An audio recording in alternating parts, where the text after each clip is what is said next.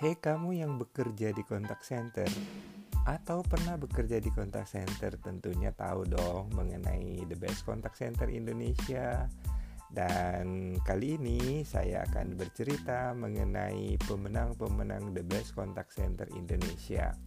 Nantikan semua episodenya dan pastikan kamu mendengarnya.